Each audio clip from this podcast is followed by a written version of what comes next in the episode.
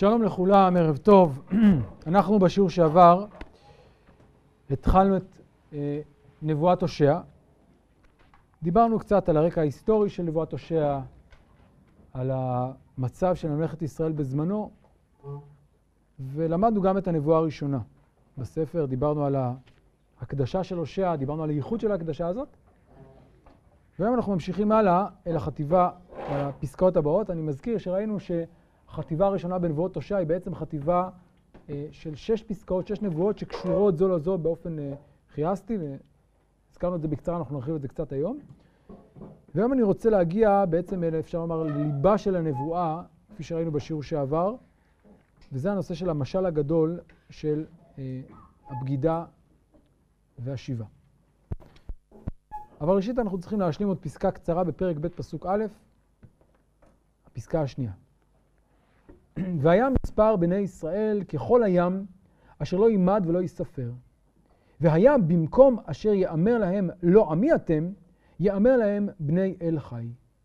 ונקבצו בני יהודה ובני ישראל יחדיו, ושמו להם ראש אחד ועלו מן הארץ, כי גדול יום יזרעאל. אמרו לאחיכם עמי ולאחותיכם רוחמה.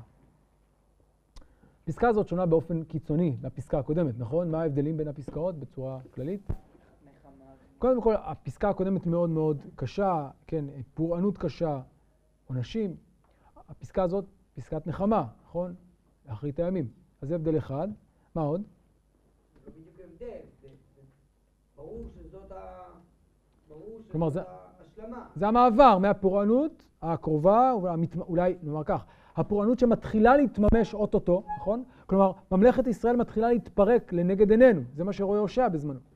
אז מול הנבואה הזאת של הפורענות שמתארת את ההתפרקות הממשית של ממלכת ישראל, מנבא הושע אולי לעתיד לבוא, לעתיד הרחוק, את הגאולה העתידית, נכון? אז זה אה, מה שקורה. אגב, ובמובן הזה הנבואה הזאת חוצצת בין הפורענות הקודמת לפורענות שתבוא אחריה.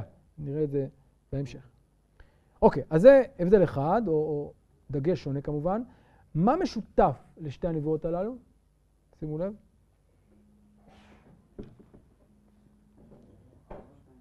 מה? בדיוק, שימו לב ששמות הילדים מופיעים גם שם וגם כאן. אבל כמובן בתפקידים שונים, כן? הייתי אומר שקודם זה יותר ציוויים הנבואים להושע לעשות כרגע על שם העתיד, וכאן הושע מתחיל בחזון נבואי לעתיד על שם הילדים. בואו נראה את הדברים. אז זה פותח במילים, והיה מספר בני ישראל ככל הים אשר לא יימד ולא ייספר, כלומר, לעתיד לבוא, יזכו קודם כל לריבוי, והריבוי הזה מתואר בלשונות מוכרים, נכון? מה זה חול הים, אשר לא ייספר, מאיפה זה מוכר לנו? נכון, הברכות לאבות, ככל הים, שמתים את זה אחר ככל הים וכולי. נכון, יש לנו כאן אה, התייחסות לריבוי, כלומר הגשמת הריבוי לאבות.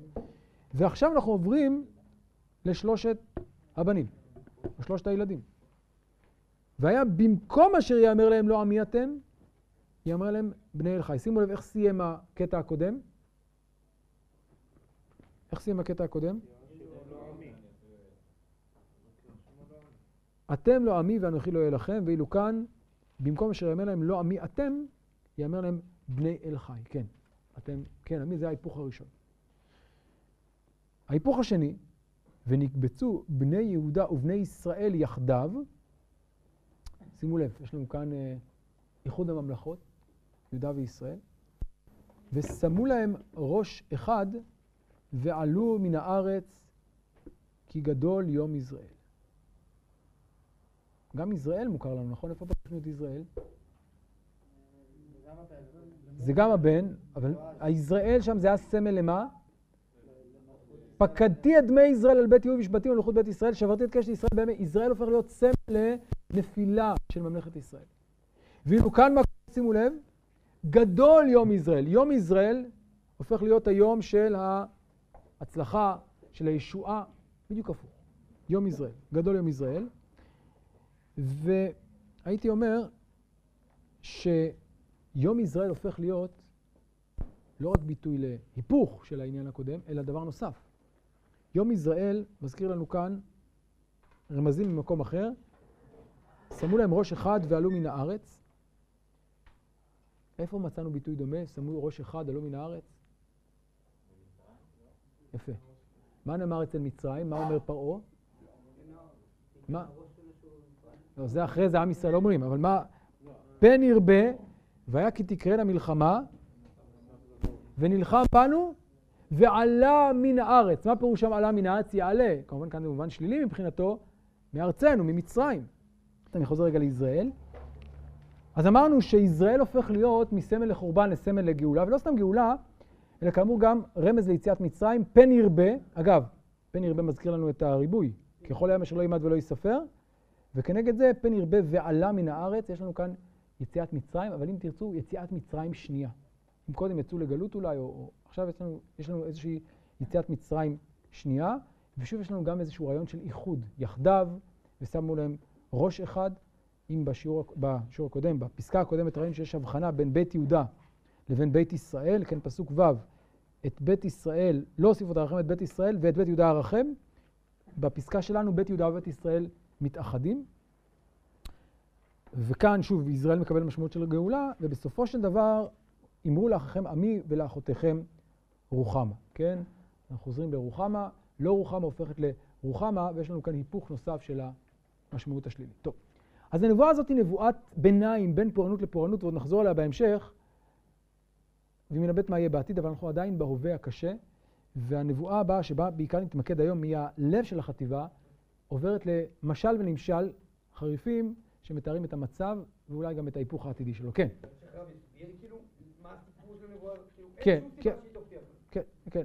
כבר, כבר, אגב, כבר יש מדרש, כבר המדרש אה, עומד על הקושי, הוא מדבר על הקושי שבמיקום הזה, וכן, אה, אנחנו נדבר על זה. חלק מפרשני הפשט שהסבירו את כל הנבואה הזאת בדרך שלילית, זאת אומרת, כחלק מפורענות. אה, כלומר? לא זוכר בדיוק איך, אבל יש מי שלקח את כל לא הפסוקים כאן וממש הפך אותם לפורענות.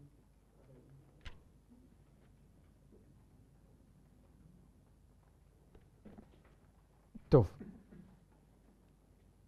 נמשיך הלאה.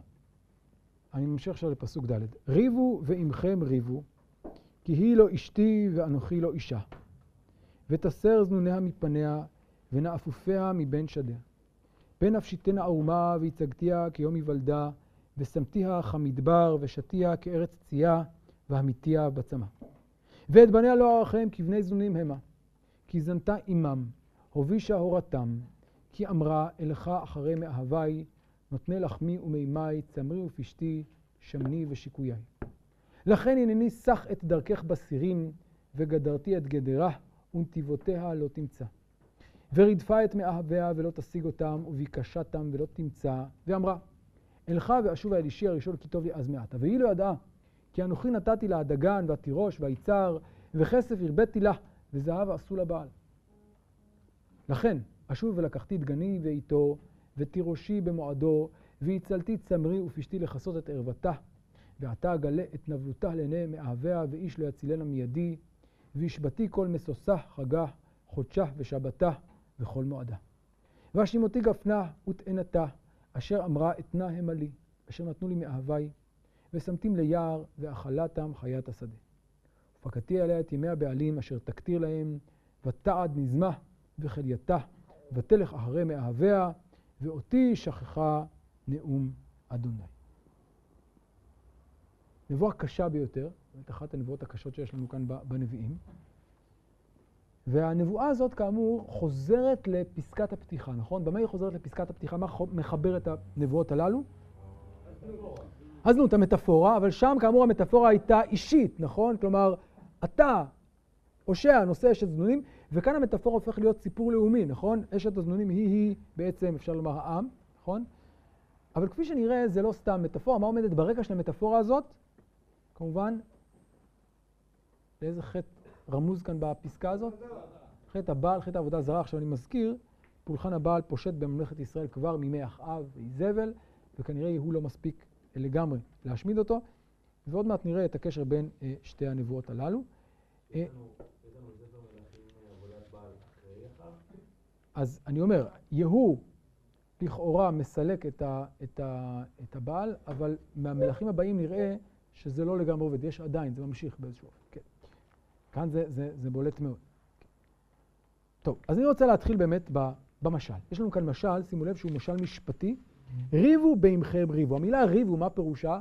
לא לריב במובן של fight, ריב במקרא, מה? ישפטו. למשל, שני האנשים אשר להם הריב, ריב במובן הזה פירושו משפט, לא תענה על ריב לנטות, כן? ריב פירושו משפט. אז ריבו במלחמת ריבו, הכוונה יש לנו כביכול הזמנה למשפט, למשפט של אישה, אישה שזנתה. ריבו במלחמת ריבו, שוב, כי היא לא אשתי ואנוכי לא אישה. את מה מזכיר לנו הביטוי הזה, לא אשתי, לא אישה? לא רוחמה, לא עמי. יש אגב שטענו שפעם, בעת העתיקה, היה לנו איזושהי נוסחת גירושין כזאת, שהיה פעם אומרים, איך אומרים, איך מתגרשים? אומרים לה, את לא אשתי, כן? אגב, בגמרא, מסכת קידושים, איני אישך, יש לנו איזו נוסחה כזאת של גירושים, איני אישך, וזה מעניין שגם uh, בכמה תעודות בבליות קדומות מצאו ביטויים דומים. כלומר, מה זה גירושין? מה כותבים בגירושין? את לא אשתי. כן? אז יש כאן כאילו ביטוי של גירושין, ממש ניסוח משפטי. היא לא אשתי, אנוכי לא אישה, וכמובן החטא המרכזי, או ההאשמה המרכזית, היא הליכה אחרי המאבים. עכשיו לא ניכנס לכל הפרטים, אבל בואו נשים לב, יש לנו כאן תיאור שהוא לקוח כמובן מעולם הזנות, ותסר זנוניה ונאפופיה, פן נפשיתנה ערומה וכולי. כלומר, החטא המרכזי כאן הוא באמת הזנות, אבל לא רק הזנות. מה עוד מצטרף לזנות? עצם החטא הזה של הזנות, מה עוד מצטרף אליו? מה? לא, אני עדיין במשל. אז קודם כל זנתה עמם הובישה אורתם, זה דבר אחד. מה עוד? או, איפה אתה רואה את זה? עוד לפני, עוד לפני. היא הולכת אחרי, הלכה, כן, הלכה אחרי מאהבי, נותני לחמי וממי צמאי ופשטי, כלומר באיזשהו מובן היא סבורה שהם אלה שספקים לה את כל צרכיה, נכון? נותני לחמי וממי צמאי ופשטי שמני ושיקויי. אז הליכה אחרי מאהביה, והתפיסה, האמונה שהם אלה שמספקים לה את כל צרכיה. אגב, שימו לב לעוד הקבלה לפסקה הקודמת, את בניה לא ארחם, שזה מזכיר לנו את לא רוחמה, נכון? כי בני זנונים המה. ובני זנונים מזכיר לנו את כלומר, זה ממש פירוש, אפשר לומר, של המשל הנבואי אצל הושע. עכשיו, אז אלה החטאים, וכנגד שני החטאים הללו אנחנו מוצאים את העונשים שלה. ומה הם העונשים שלה? איפה נמצאים העונשים שלה? אז כאן אני רוצה שתשימו לב שיש אה, איזושהי אה, בעייתיות מסוימת בעונשים. בואו נתבונן רגע בעונשים. יש כאן טושים אגב? טוש אחד. כן. אז אמרנו שהחטא זה בפסוקים, החטאים בפסוקים ד' עד ז',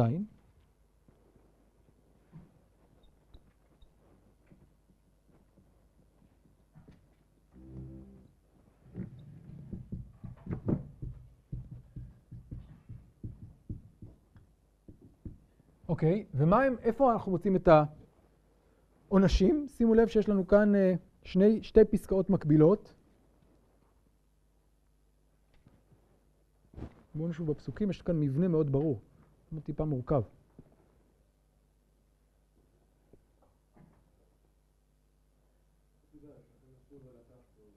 אז הראשון זה פסוקים ח' עד י', או ח' עד ט', נכון? ח' ט', לכן, זה הלכן הראשון, ומה קורה בפסקה הבאה? הוא גם קשור, עוד נדבר עליו. מה קורה בפסוק? אבל יש כאן שני לכן, נכון? יש לנו כאן את לכן של ח' ולכן של י"א. עוד נחזור ל... כן? י"א עד... עד איפה? עד ט"ו, כן. מה כל עונש אומר? מה הנושא של כל עונש? י' עוד מעט נדבר עליו. רגע, י' לא נמצא כאן. אז מה העונש הראשון? הלכן הראשון? לכן הנני סח את דרכך, נכון?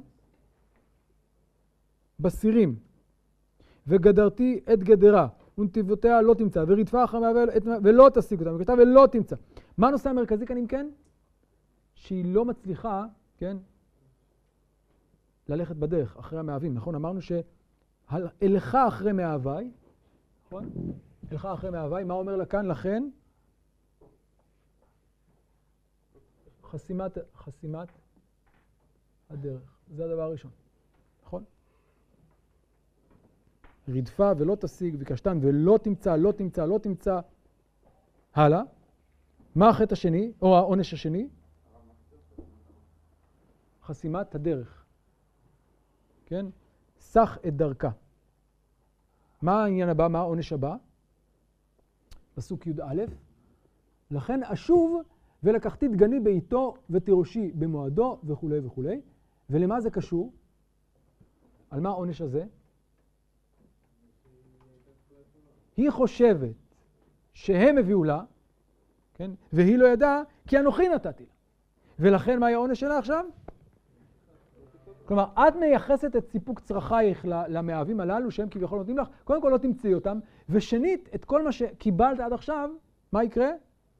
יש, יישלל ממך. אשוב ולקחתי דגני בעיתו, ותירושי במועדו, צמרי ופשתי, כן, אוכל, בגדים, ואתה אגלת נבלותה, כן, וזה כמובן מחזיר אותנו לפסוק ז', אלך אחרי מאהבי, זה א', נותני לחמי ומימי, צמרי ופשתי, שמני ושיקויי, אז כנגד זה, כנגד אה, לחמי, לקחתי דגני בעיתו. כנגד, אה, כן, אה, שיקויי, שזה היין, תירושי במועדו. כנגד צמרי ופשתי, והצלתי צמרי ופשתי. כלומר, את מייחסת להם את כל מה שקיבלת, אז את לא תקבלי יותר כלום. אני אשלול ממך את כל מה שהיה, אה, ולקחתי דגני, ואגב, שימו לב, יש לנו כאן איזשהו אה, כן, אה, שימוש ב, במונחי הלקיחה והנתינה, כן? היא אומרת, אלך נותני לחמי ואז הוא אומר לה, וכנגד הנתינה שכביכול נתנו לך, אני אקח ממך את הלחם, את הדגן, את התירוש וכולי וכולי.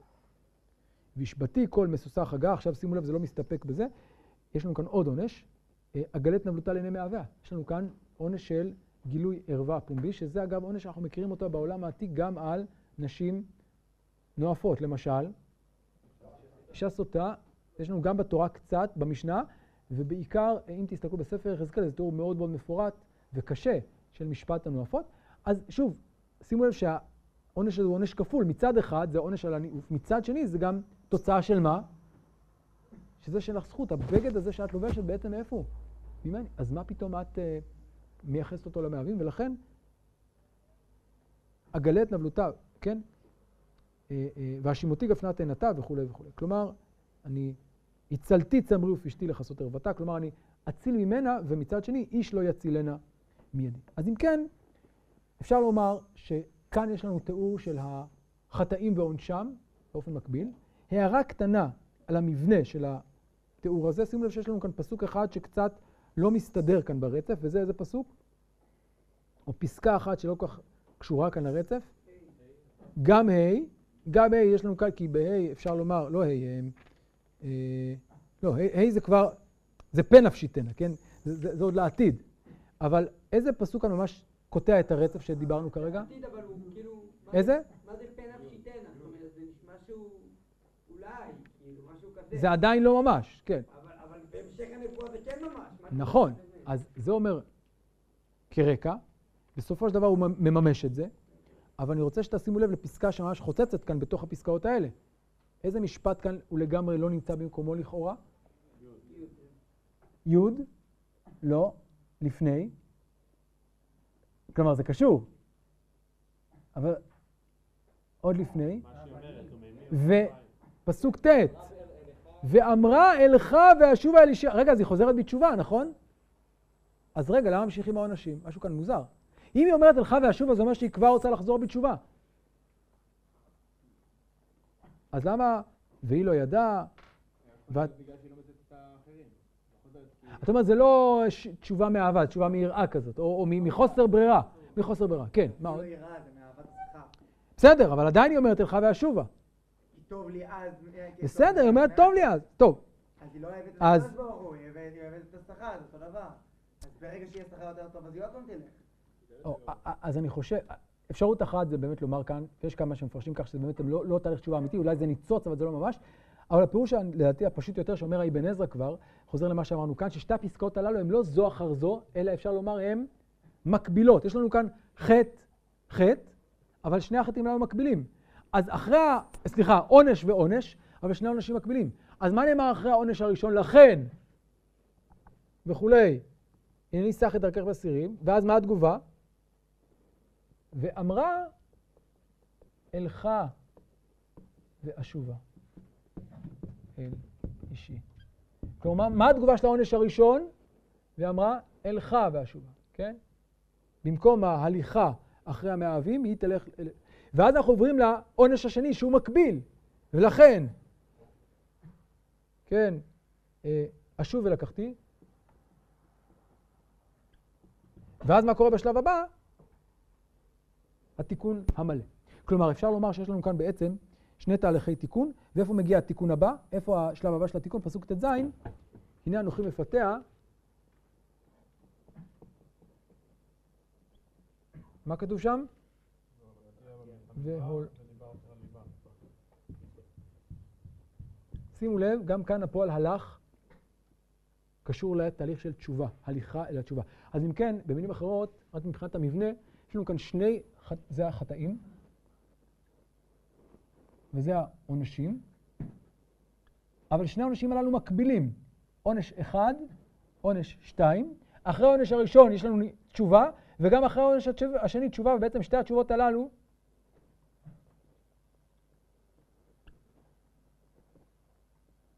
מקבילות. אז אם כן, לא צריך לקרוא את זה פסקה אחרי פסקה, אלא אם תרצו כטבלה. דמיינו את זה בטבלה, שתי פסקאות מקבילות, לכן א', לכן ב', כתוצאה מא', אלך ואשוב אל אישי, כתוצאה מב', הנה אנוכי מפתח והולכתיה במדבר. אלו תהליכי התשובה שמתחוללים כאן בעקבות העונש. עכשיו, בנקודה הזאת, וכאן אני רוצה לחזור לפסוק ש, שבו אה, אה, אה, קצת דילגנו, זה פסוק י', והיא לא ידעה כי אנוכי נתתי לה. עכשיו, והיא לא ידעה כאמור, זה לא המשך של פסוק ט', זה המשך של מה? של, של החטא, של המעשה, נכון? והיא לא ידעה כי אנוכי נתתי לה דגן והתירוש והיצר, וכאן שימו לב מה קורה בחצי השני של הפסוק, כסף הרביתי לה וזהב עשו. מה נכנס כאן לראשונה בנבואה? הנמשל. עד עכשיו דיברנו על אישה, אשת זנונים, עם בני זנונים, אישה שלא מכירה ב, או בערכו של אה, אה, אה, אישה הראשון שנתן לה, שהביא לה את מה שראוי לה, היא לא מכירה בזה. ולא רק שהיא לא מכירה בזה, היא מייחסת את זה למאהבים. נכון? אז זה החטא שלה. ועל זה היא תענש, כמשפט הנשים הנואפות וכו'. והנה כאן, לראשונה הנביא מכניס לנו כבר את הנמשל. ומהו הנמשל כאן? מהו הנמשל? כלומר, מי זה כאן? הבעל זה המאהב, כן? ואת כל הכסף, כל העושר שהיא קיבלה, היא בעצם אה, משתמשת בו לשם אה, פולחן נוכרי. ונמשיך הלאה, אז אם כן, כן, כן.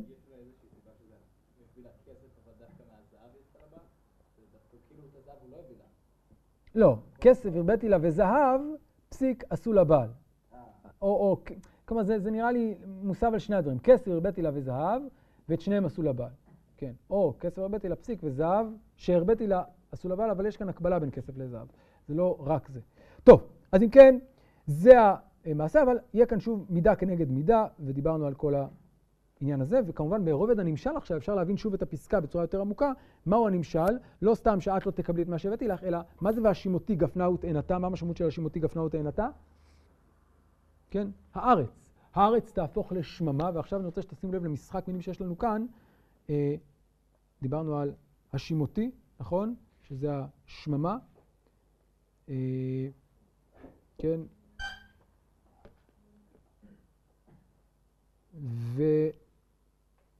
והעם, כן, זה עוד מעט נראה, כנראה גורש מארצו לארץ זרה. עד כאן המשל וגם הנמשל של החטא. אבל ההפתעה המעניינת, או התהליך המעניין, מגיע בעיקר בחלק הבא, וכאן אני רוצה להתמקד באמת בחלק השני של הסיפור, וזה התהליך של התיקון. פסוק ט"ז. לכן, הנני, הנה אנוכי מפתיה והולכתיה המדבר, ודיברתי על ליבה. ונתתי לה את כרמיה משם, ואת עמק החור לפתח תקווה, וענתה שמה כימי נעוריה, וכיום עלותה מארץ מצרים.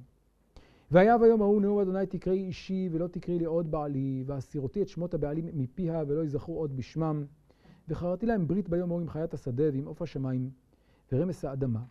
וקשת וחרב ומלחמה אשבור מן הארץ. והשכבתים לבטח. והרסתיך לי לעולם, והרסתיך לי בצדק ובמשפט, ובחסד וברחמים, והרסתיך לי באמונה, וידעת את אדוני. התהליך הזה הוא תהליך, הוא בעצם, הייתי אומר, החידוש הגדול כאן בנבואת הושע, ואני רוצה להעמיק במשמעות של התהליך הזה וביחס בינו לבין החלק הראשון. אה, אז זה תהליך שמתאר התקרבות מחודשת בין האיש לבין האישה, בין האהוב לבין האהובה או בין האישה הבוגדת. והתהליך הזה מסתיים בסופו של דבר בחידוש של קשר האירוסין, עוד מעט נדבר על המשמעות שלו. אבל שוב, כמו שראינו קודם, יש לנו כאן שני רבדים לסיפור, המשל והנמשל, ואני רוצה רגע להבין את שני הרבדים לעומקם ואת הקשר ביניהם. בואו נתחיל רגע ברובד המשל. לכן הנה אנוכי מפתיה והולכתיה המדבר ודיברתי על ליבה. נתחיל רגע במשל. איפה מצאנו את המדבר במשל? זוכרים את המדבר?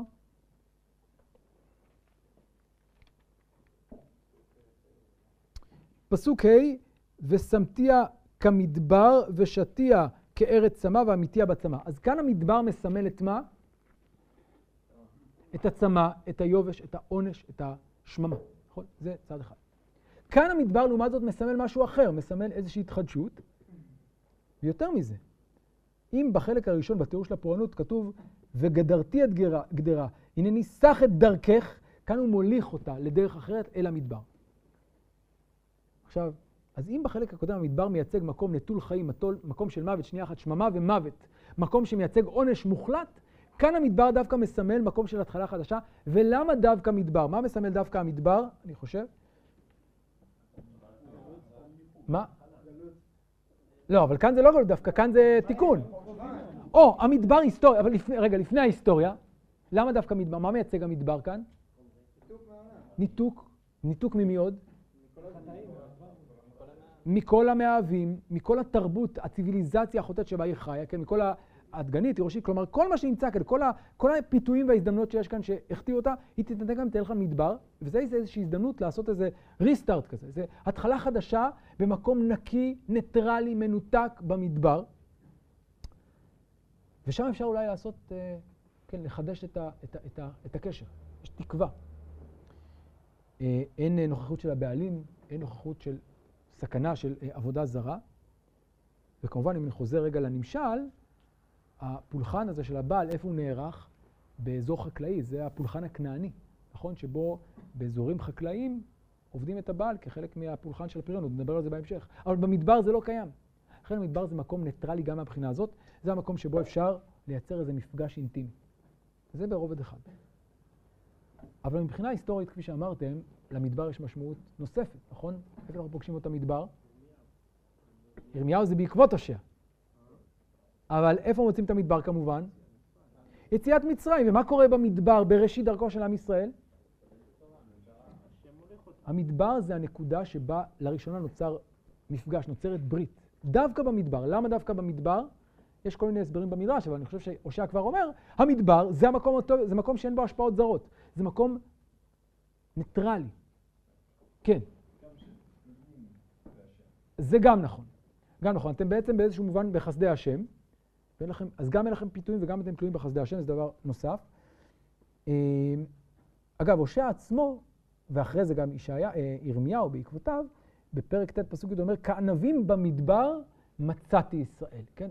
מה זה כענבים? כאילו, מדבר זה מקום שומם, ופתאום מה אני מוצא במדבר? אשכול כזה מתוק ועסיסי של ענבים. משהו כאילו נדיר. אז המפגש הזה במדבר מופיע אצל הושע גם בהמשך, והנה גם כאן, חוזרים למדבר ושם מחדשים את הקשר. כן. אפשר להגיד, כאילו שתי הקטעים כאן זה שתי פרשנויות אחרות ליציאה לגלות של ישראל. נכון, אני מסכים. נכון, אני מסכים. כלומר, המדבר שהוא-הוא מקום הפורענות והחטא, החטא, או הפורענות והעונש, הוא הופך להיות מקום של תיקון, זו הערה נכונה ועוד נחזור אליה בהמשך, נכון? אמ, אבל אומר עוד משהו. הולכתי המדבר ודיברתי על ליבה. זה מקום שבו אפשר לדבר באופן אינטימי, בלי הסחות דעת. דיבור אינטימי, מפגש עמוק, בלי, שוב, כל הסכנות שיש שם. אבל לא רק זה, ונתתי לה, נתת, נתתי לה את כרמיה משם ואת עמק החור לפתח תקווה. זה פסוק חידתי, אבל בעיניי הוא מפתח גדול להבנת הסיפור הזה.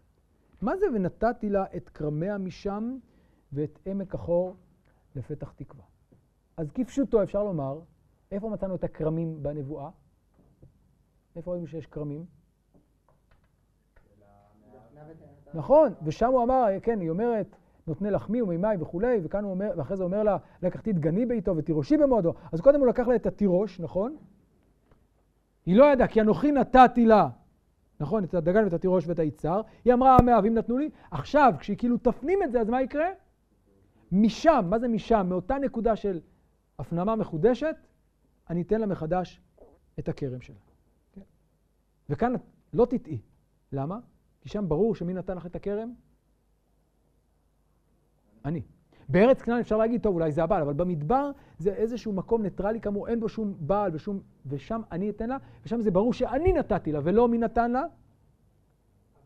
נותני לחמי ומימי, לא.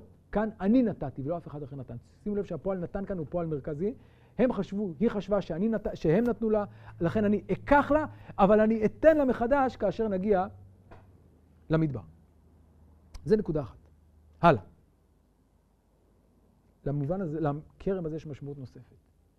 וכאן אנחנו מגיעים באמת לרבדים סמליים עמוקים. מה יש לה, מה המשמעות הסמלית של כרם בתנ"ך? כאן אני רוצה רגע לחזור לספר שילווה אותנו הרבה בלימוד הושע, מגילת שיר השירים. אתם זוכרים שדיברתי על הקשר בין שיר השירים להושע, נכון? הושע משתמש במטאפורה של איש ואישה, והמקור אולי הכי מובהק למטאפורה הזאת הוא ספר שיר השירים, מגילת שיר השירים. מה מסמל הכרם בשיר השירים? מישהו זוכר אולי?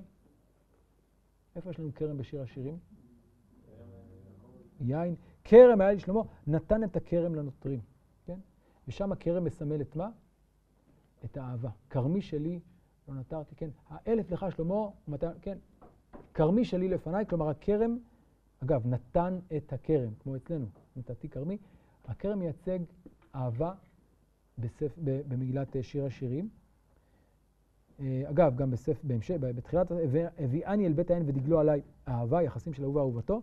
אז אם כן, גם כאן, גם במובן הזה, הכרם מייצג כאן לא רק את הנתינה של היבול ושל הפריון, אלא גם את הקשר. אז אם כן, יש לנו כאן שוב תיקון. אם קודם, בתחילת הסיפור, ראינו שיש אה, שממה, השימותי גפנה, עכשיו יהיה כרמיה משם, מהשימותי, יהיה לנו כרמיה משם, ומעמק החור לפתח תקווה. עכשיו, המובן הפשוט של עמק החור ופתח תקווה, מהו? עמק החור כנראה מקום עכור, מקום גרוע, לא פורה. מה יקרה שם? פתח תקווה. תהפוך, האדמה תהפוך להיות אדמה פוריה. כלומר, במקום השממה יחזור הפריון. למה? כי את מכירה מהו המקור של הפריון, מהו המקור של, ה... כן, של כל החיים. אבל גם כאן יש רובד נוסף של עומק בסיפור הזה.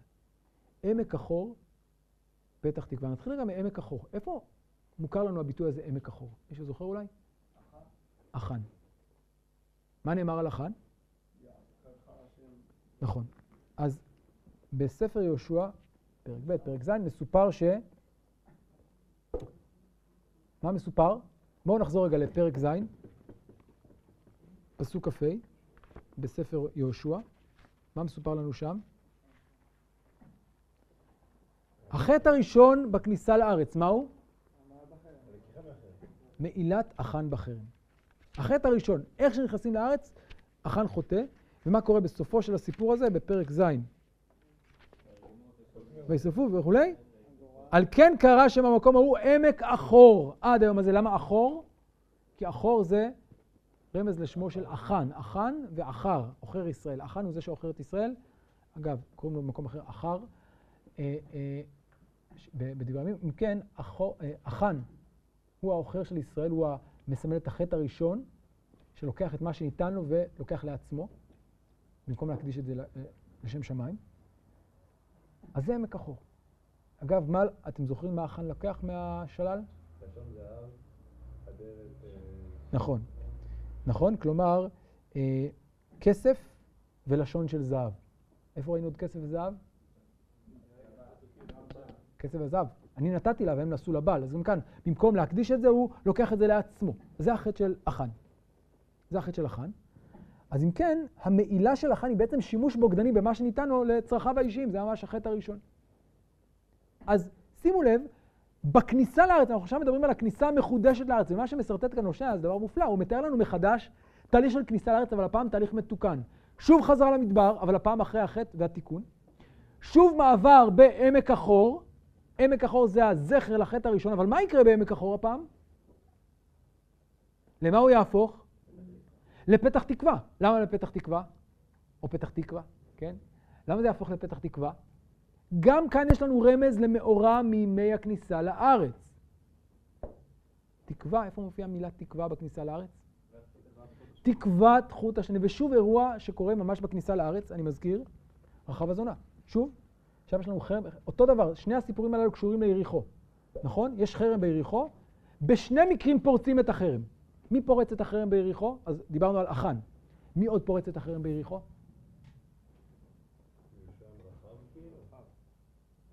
נכון? למה? בזכות מה? תקוות חוט השני. תקוות חוט השני זה החוט שמסמל את ההצלה שלהם, אבל כמובן זה בדיוק הפוך. מה היחס בין סיפור אחן לבין סיפור רחב? שניהם כאילו פוגעים בחרם, אבל מה ההבדל? למה ניצלת רחב מהחרם? או משפחתה או כל ביתה, למה ניצלים? בזכות מה? היא עזרה. אז מה? ולכן מה?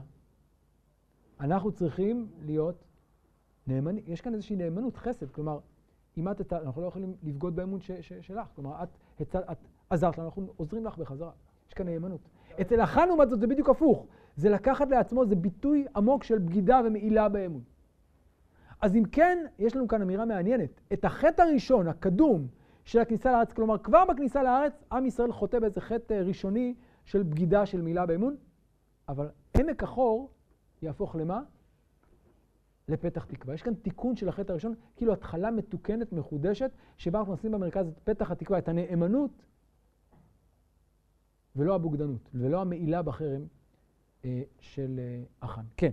אפשר להגיד גם יותר מזה, שלא רק מצד עם ישראל אה, יש כאן נאמנות לרחב אותם, ויש כאן אה, הכרת הטוב של עם ישראל, שגם זה ראינו כנגד כפיות הטובה, גם רחב בעצמה מכירה שכל המעשים שהקדוש ברוך הוא עשה לעם ישראל, זה הוא עשה אותם, ולא מישהו אחר. כן, אז זה גם יכול להיות, רמו, אולי גם זה נמצא כאן, כן. אה, עכשיו, כמובן זה לא נפסק כאן, זה ממשיך הלאה, זה ממשיך הלאה גם אחרי הכניסה לארץ, אבל הכניסה לארץ מתחילה כבר בתיקון, בתיקון של החטאים הקדמונים בכניסה, יש לנו כאן כניסה מחודשת. וענתה שמה כי ימי נעוריה וכיום עלותה מארץ מצרים, כן? מה זה ענתה שמה? ענתה כנראה זה מלשון, אה, קשור כנראה לביטוי של אהבה, אולי יש כאן גם משחק על העלתה וענתה. במילים אחרות, היחסים חוזרים לתקנם, ענתה שמה כי ימי נעוריה וכיום עלותה. כמו ראשית היחסים, כמו... אה, אגב, אם זה מזכיר לכם פסוק אחר בספר ירמיהו, זה לא במקרה, נכון? מה אנחנו זוכרים בספר ירמיהו? איזה פסוק דומה? זכרתי לך חסד נעורייך, אהבת כלולותייך, לכתך אחריי במדבר בארץ לא זו. הנה גם כאן. ענתה שמה כי ימי נעוריה וכיום עלותה מארץ מצרים. כלומר, יש כאן חידוש של היחסים, כמו בראשית היחסים, כמו באותם רגעים של תום ושל אהבה עמוקה ושל חוסר משקעים, של באמת אותם רגעים ראשונים של אהבה נקייה ותמה, נחזור לאותה נקודה, לאותה ראשית. אה, וענתה שמה כי ימי נעוריה וכיום עלותה מארץ מצרים, ובזה אנחנו חוזרים גם שוב לאותה נקודה שבה פתחנו בפסקה הקודמת, ועלו מן הארץ. ובעקבות שיקום העבר, אנחנו עוברים עכשיו לחזון העתיד. וזו הפסקה הבאה, וכאן יש לנו כמה פסקאות שמתארות מה יהיה ביום ההוא. אני חוזר לפסוק י"ח, והיה ביום ההוא, א', נאום אדוני, תקראי אישי, ולא תקראי לי עוד בעלי. והסתירותי את שמות הבעלים מפיה, ולא יזכרו עוד בשמם. זה דבר ראשון. פסקה שנייה, וחרתי להם ברית ביום ההוא, עם, שוב ביום ההוא, עם חיית השדה ועם עוף השמיים, ורמס האדמה, וקשת וחרב במלחמה אשבור מן הארץ ושקפתי לבטח. ופסקה שלישית, פסוק כ"א, ורסתיך לי לעולם, ורסתיך לי בצדק ובמשפט וחסד ורחמים, ורסתיך לי באמונה וידעת את אדוני. וכאן הפסקה הזאת אני רוצה, או פסקאות האלה אני רוצה רגע לפענח את היחסים ביניהם. נתחיל בפסקה הראשונה. קודם כל, מה יהיה השינוי הראשון? תקראי אישי ולא תקראי לי עוד בעלי, כן? מה משמעות השינוי הזה? מה זה השינוי של תקראי אישי ולא תקראי לי עוד בעלי? מה, מה, מה? או, אז קודם כל, יש לנו כאן רמז למי? לבעלים. איפה ראינו את הבעלים? זהב עשו לבעל. אז כאן אין יותר בעלי, בעלי במובן של בעלים, והסירותי את שמות הבעלים מפיה, כלומר תהיה נאמנות מוחלטת, בלי מאהבים אחרים, בלי בעלי, בלי בעלים, כן? אז במילים אחרות יש לנו כאן, זה חוזר למה שפתחנו בו, היא לא אשתי ואנוכי לא אישה. למה היא לא אשתי ואנוכי לא אישה? כי יש בוגדנות, כי יש חוסר נאמנות. לעתיד לבוא, לא, יהיה נאמנות, תהיה רק איש אחד, אישה אחת, יש לנו כאן נאמנות משותפת, אין בעלים, הסירותי שמות הבעלים, ואז יהיה אישי ואישה. זה מצד אחד. וכמובן, מבחינת הנמשל, יש כאן רמז לזה שבעם ישראל לא היה רק עבודה אליל, עבודת אלילים, אלא הייתה מה שנקרא עבודה בשיתוף, מה שנקרא סינקריטיזם. כלומר, הם לא רק עבדו את הבעלים, הם אמרו נעבוד גם את הבעלים וגם את הקדוש ברוך הוא. יש לנו, אגב, כמה וכמה רמזים לזה. נכון, אליהו אומר את זה. אגב, זה מעניין שאחת, יש ממצא ארכיאולוגי מרתק, שנמצא במקום שנקרא קונטילת עג'רוד, אה, מהמאה התשיעית, שמינית לפני הספירה, ויש שם כתובת שכתוב שם, להשם תימן ולאשרתו. כלומר, את מי עובדים? את השם ואת האשרה, שהיא כאילו בת הזוג שלו, עוד נדבר על זה. כלומר, יש כאן ממש תפיסה שיש שם י' כו' שם י' כו' ביחד עם אשרה. כלומר, ממש הייתה תפיסה באותה תקופה של עבודת השם ועבודת האלים ביחד, כמו עובדי האלילים. יש אל אחד ויש אל אחר, וזה בסדר גמור לעבוד את כולם ביחד. למה לא? לא, אומר להם משה. רק אישי, ולא בעלים. תיקון אחד. הלאה. מאה, ולנבואה הזאת נחזור בהמשך, נבואה מאוד חשובה להמשך הספר. שלב שני, אחרי התיקון הראשון של השם, של הנאמנות, אנחנו מגיעים למעגל נוסף, כריתת ברית עמי, עם חיית השדה ועוף השמיים. איפה פגשנו את חיית השדה בנבואה? שמתם לב איפה, איפה הייתה חיית השדה? ואכלתם חי... חיית השדה. שם חיית השדה מייצגת את העונש, את השממה, את זה שהחיה אוכלת את כל היבול. מה קורה כאן לעתיד? אין ניגוד בין בני אדם, כן, שם חיית השדה היא הניגוד של העולם המיושב. כאן, לעתיד לבוא, לא. חיית השדה ועוף השמיים יהיה ביניהם ברית ורמס האדמה. כלומר, יהיה ברית בין האדם לבין בעלי החיים, בין העולם המיושב לעולם בעלי החיים, איזשהו שלום, איזו הרמוניה כזאת.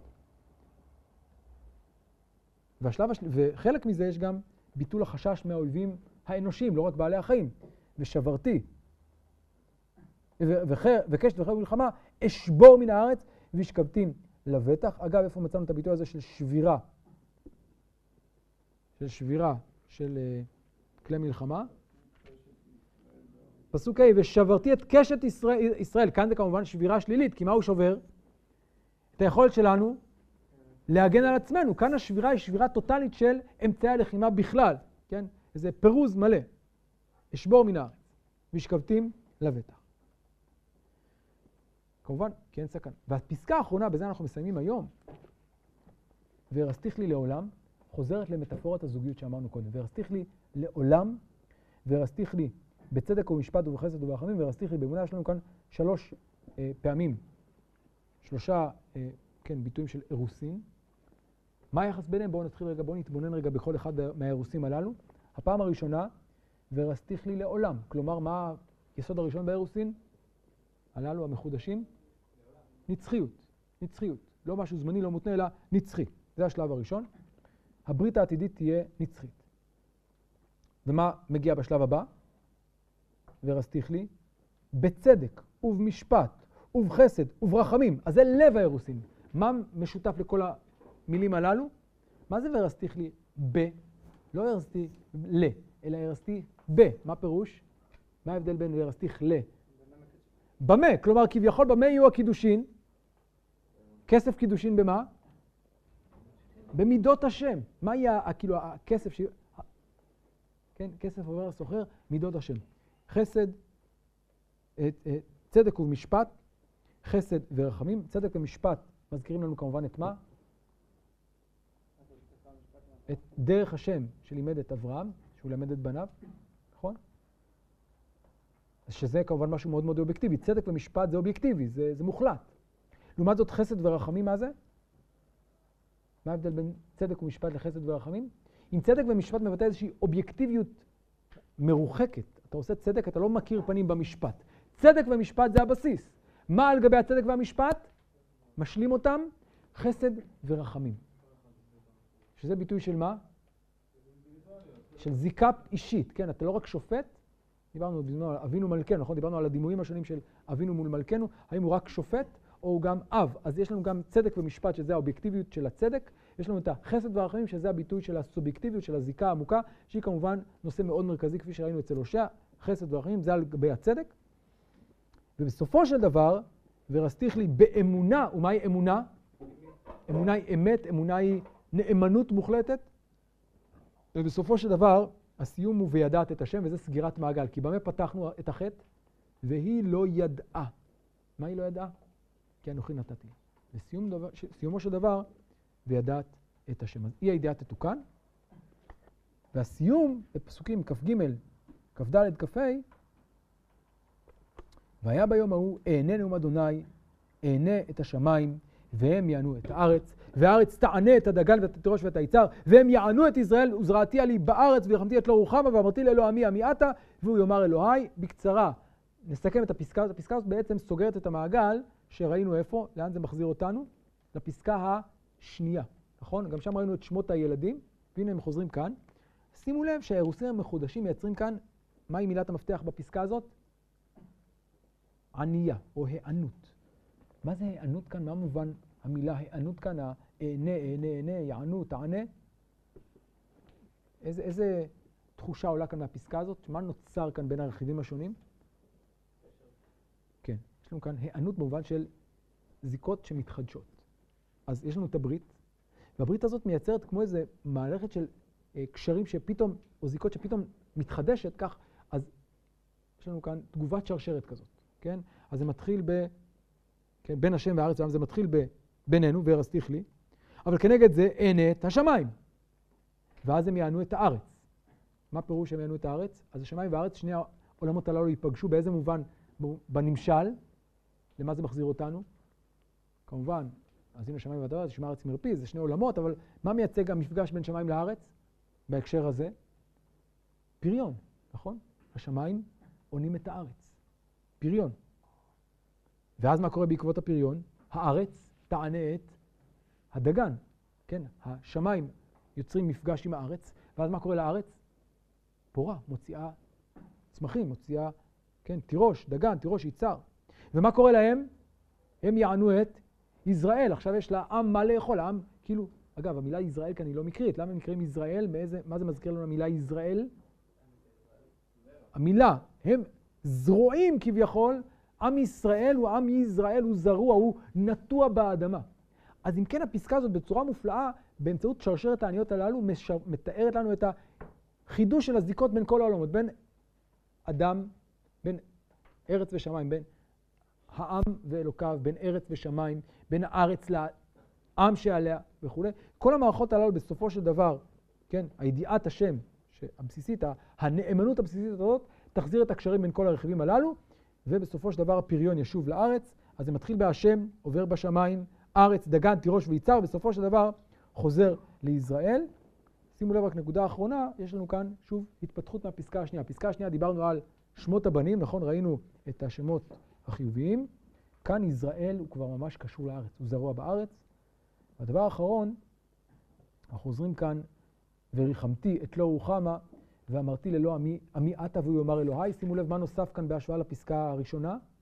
שם נאמר רק, אמרו לאחיכם עמי. אבל מה קורה פה?